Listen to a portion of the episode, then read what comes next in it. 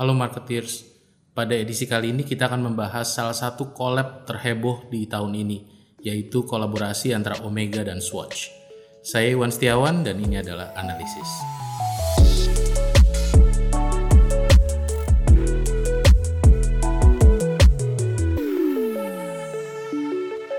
Pada kesempatan kali ini kita akan membahas tentang salah satu kolaborasi di industri jam tangan yang sangat heboh tahun ini yang mengundang banyak reaksi positif dari para pecinta jam tangan di seluruh dunia. Kolaborasi itu adalah kolaborasi antara Omega dan Swatch yang sering disebut juga sebagai Omega Moon Swatch. Mari kita simak analisis tentang apa manfaat kolaborasi ini dari sisi marketing. Pertama kita lihat dulu sejarah dari brand Omega.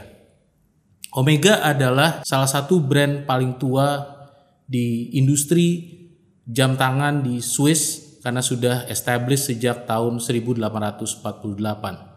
Dan Omega ini sering kali banyak dikenal oleh para pencinta jam tangan sebagai jamnya James Bond. Selain itu, jam ini juga dikenal sebagai jam pertama yang hadir di bulan, the first watch on the moon, karena merupakan jam yang dipakai astronot di misi Apollo ke-11. Karena dia masuk dalam kategori luxury, maka jam-jam Omega biasanya cukup mahal, harganya berkisar antara 6 sampai 13 ribu US dollars, sehingga price range-nya boleh dibilang mendekati 100 eh, sampai 200 juta rupiah untuk satu jam tangannya. Karena itu ketika mereka memutuskan untuk bekerja sama dengan Swatch, ini menimbulkan banyak tanda tanya. Swatch sendiri merupakan brand yang lebih casual yang dicintai oleh anak muda yang biasanya merupakan entry level dalam koleksi jam tangan. Sebetulnya Swatch ini juga punya histori yang panjang karena sudah ada sejak 1983. Dan sebenarnya Swatch ini dibangun pertama kali untuk merespons adanya quartz crisis. Seperti kita tahu, industri jam tangan di Swiss pernah terkena badai quartz karena yang biasanya mereka jual adalah mechanical watch atau jam mekanik, kemudian muncul alternatif baru yang jauh lebih murah yang pertama kali diprakarsai oleh uh, Seiko di Jepang yaitu jam tangan dengan movement quartz dan ini membuat uh, industri jam tangan di Swiss sempat mengalami kejatuhan. Sebagai respons maka muncullah quartz movement dari Swiss sendiri yang di motori oleh Swatch sebagai brand yang memulai tren quartz uh, movement di industri jam tangan di Swiss. Dan Swatch itu sendiri sebetulnya muncul dari dua kata yaitu second watch, Swatch. Kenapa disebut second watch? Karena ini dianggap sebagai sesuatu yang fun, disposable. Jadi kalau sudah rusak ya dibuang, tidak bisa diperbaiki lagi. Dan karena itu harganya pun relatif lebih affordable dibandingkan Omega berkisar hanya antara 80 sampai 150 dolar Amerika. Dan ini kurang lebih antara uh, eh, 2 sampai 3 juta rupiah. Jadi kalau kita lihat rentang harga yang dimiliki Omega dan rentang harga yang dimiliki Swatch ini adalah dua rentang harga yang sangat berbeda jauh. Kenapa mereka berkolaborasi dan seperti apa kolaborasinya? Kolaborasinya muncul di tanggal 26 Maret 2022 dan koleksinya ini e, terdiri dari 11 jenis jam tangan yang mewakili masing-masing planet yang ada di tata surya kita dan juga ditambah dengan moon atau bulan yang merupakan simbol dari kerjasama antara Omega Speedmaster Professional atau yang biasa disebut sebagai Omega Moon Watch dengan Swatch sendiri yang memiliki berbagai karakteristik fun dari sisi color tone dan sebagainya.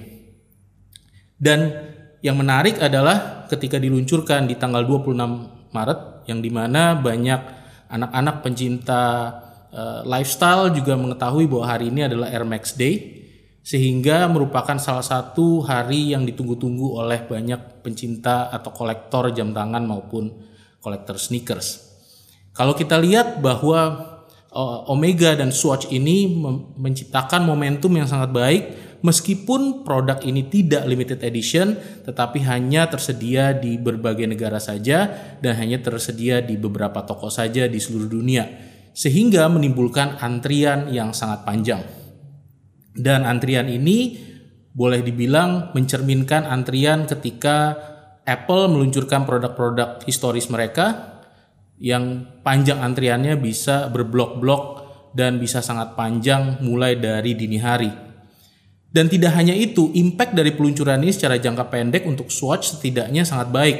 Selain produknya sudah mulai habis di berbagai toko di seluruh dunia, stoknya pun atau sahamnya pun meningkat 5% di pagi ketika produk ini diluncurkan. Dan harganya adalah yang paling mencengangkan. Harganya hanya 260 US dollar dengan kemiripan looks dan feel seperti jam Omega Speedmaster Moonwatch. Dan ini adalah tampak antrian-antrian yang muncul tidak hanya di negara-negara Asia seperti di Singapura, Malaysia, Hong Kong, Jepang, tapi juga banyak di negara-negara barat. Mulai terlihat antrian-antrian seakan tidak ada terjadi pandemi sama sekali di seluruh dunia. Ini adalah looks dan feel dari Omega Speedmaster Professional atau yang biasa dikenal sebagai Omega uh, Moonwatch. Dan ini kalau dilihat price range-nya biasanya berkisar antara 6 sampai 7 ribu US dollar. Dan kalau dilihat look and feel-nya sangat mirip dengan versi Swatch-nya, di mana beda harganya cukup signifikan. Eh, seperti apa manfaat untuk kedua brand ini berkolaborasi? Yang pertama adalah Omega membawa heritage dari brandnya ke dalam kolaborasi ini. Lalu apa yang dibawa oleh Swatch ke dalam kolaborasi ini? Swatch membawa inovasi. Swatch membawa material yang cukup inovatif yang mereka sebut sebagai bioceramic ini adalah material yang merupakan hybrid antara e, keramik dengan biosource plastik sehingga lebih ramah lingkungan dan tidak hanya itu ini juga merupakan material yang cukup durable meskipun dengan harga yang sangat terjangkau. Sehingga boleh dibilang ini adalah Moonwatch dengan bioceramic material pertama di seluruh dunia dengan harga yang sangat terjangkau. Dan kalau kita mengetahui secara mendalam industri jam tangan di Swiss, ternyata Swatch dan Omega ini merupakan sister company. Mereka ada di satu grup yang sama. Dan ini bukan pertama kalinya dalam marketing bahwa ada sister company bekerja sama satu sama lain berkolaborasi. Kita melihat kolaborasi misalnya antara Gucci dengan Balenciaga yang merupakan sister company sebelumnya. Tetapi ketika kita berbicara Gucci dan Balenciaga, kurang lebih level of prestige mereka ada di level yang sama. Sedangkan kalau kita melihat kolaborasi antara Swatch dan Omega, levelnya sangat jauh berbeda. Seperti kita lihat di piramid ini, Swatch ada di paling bawah dari, dari piramid. Sedangkan Omega ada di tingkatan teratas. Omega adalah salah satu luxury atau ultra luxury segmen brand yang ada di Swatch Group. Sedangkan Swatch sendiri yang mengcarry nama holdingnya sendiri ada di level entry level atau elemen terbawah. Dan ini merupakan crossover paling heboh yang pernah terjadi dalam sejarah uh, kolaborasi antar sister brand di dalam grup yang sama. Karena merupakan kolaborasi pertama antara brand yang paling atas dengan brand yang paling bawah di dalam keluarga brand-brand yang mereka miliki. Ada 17 brand di keluarga Swatch Group dan mereka memilih dua brand yang paling ekstrim berlawanan dari sisi segmentasi secara harga. Manfaatnya untuk Swatch sangat clear Image mereka menjadi naik karena Swatch di endorse oleh Omega yang merupakan kakaknya yang jauh lebih premium dan lebih luxurious. Tapi apa manfaatnya misalnya untuk Omega?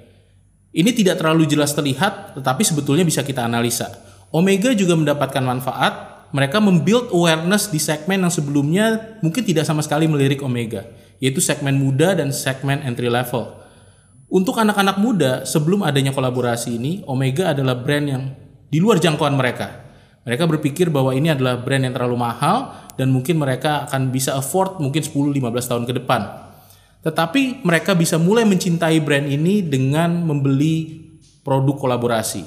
Sehingga ini membuka pasar yang sebelumnya tidak terbuka untuk Omega.